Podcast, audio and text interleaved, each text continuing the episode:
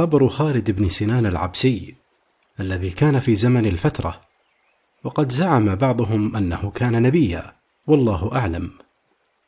عن سعيد بن جبير عن ابن عباس قال جاءت بنت خالد بن سنان إلى النبي صلى الله عليه وسلم فبسط لها ثوبه وقال بنت نبي ضيعه قومه. وعن ابن عباس أن رجلا من عبس يقال له خالد بن سنان قال لقومه إني أطفئ عنكم نار الحرتين.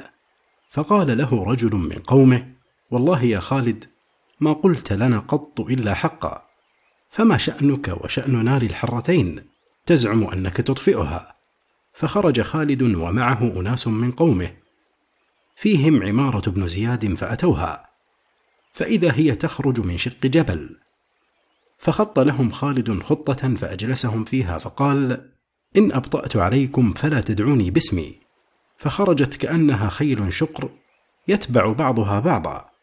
فاستقبلها خالد فجعل يضربها بعصاه وهو يقول بدا بدا بدا كل هدى. زعم ابن راعية المعزى أني لا أخرج منها وثيابي بيدي. حتى دخل معها الشق فأبطأ عليهم.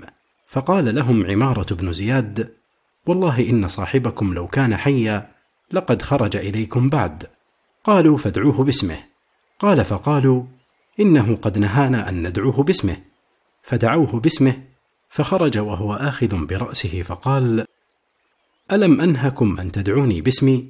فقد والله قتلتموني فادفنوني فإذا مرت بكم الحمر فيها حمار أبتر فانبشوني فإنكم تجدوني حيا. فدفنوه فمرت بهم الحمر فيها حمار أبتر. فقلنا انبشوه فإنه أمرنا أن ننبشه. فقال لهم عمارة لا تنبشوه. لا والله لا تحدثوا مضر أنا ننبش موتانا. وقد كان قال لهم خالد إن في عكن امرأته لوحين فإن أشكل عليكم أمر فانظروا فيهما فإنكم ستجدون ما تسألون عنه. قال ولا يمسهما حائض. فلما رجعوا إلى امرأته سألوها عنهما فأخرجتهما إليهم وهي حائض فذهب ما كان فيهما من علم. قال أبو يونس قال سماك بن حرب سئل عنه النبي صلى الله عليه وسلم فقال ذاك نبي أضاعه قومه. قال أبو يونس قال سماك بن حرب إن ابن خالد بن سنان أتى النبي صلى الله عليه وسلم فقال مرحبا بابن أخي. فهذا السياق موقوف على ابن عباس وليس فيه أنه كان نبيا.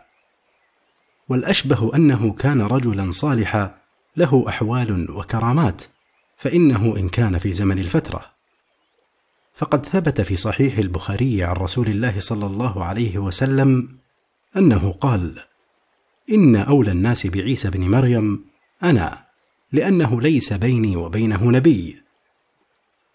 وإن كان قبلها فلا يمكن أن يكون نبيا لأن الله تعالى قال لتنذر قوما ما أتاهم من نذير من قبلك وقد قال غير واحد من العلماء إن الله تعالى لم يبعث بعد إسماعيل نبيا في العرب إلا محمدا صلى الله عليه وسلم خاتم الأنبياء الذي دعا به إبراهيم الخليل باني الكعبة المكرمة.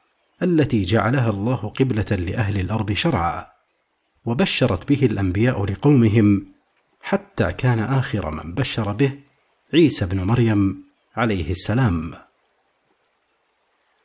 وبهذا المسلك بعينه يرد ما ذكره السهيلي وغيره من إرسال نبي من العرب يقال له شعيب ابن ذي مهذم ابن شعيب ابن صفوان صاحب مدين. وبعث إلى العرب أيضا حنظلة بن صفوان فكذبوهما فسلط الله على العرب بخت نصر فنال منهم من القتل والسبي نحو ما نال من بني إسرائيل وذلك في زمن معد ابن عدنان. والظاهر أن هؤلاء كانوا قوما صالحين يدعون إلى الخير والله أعلم.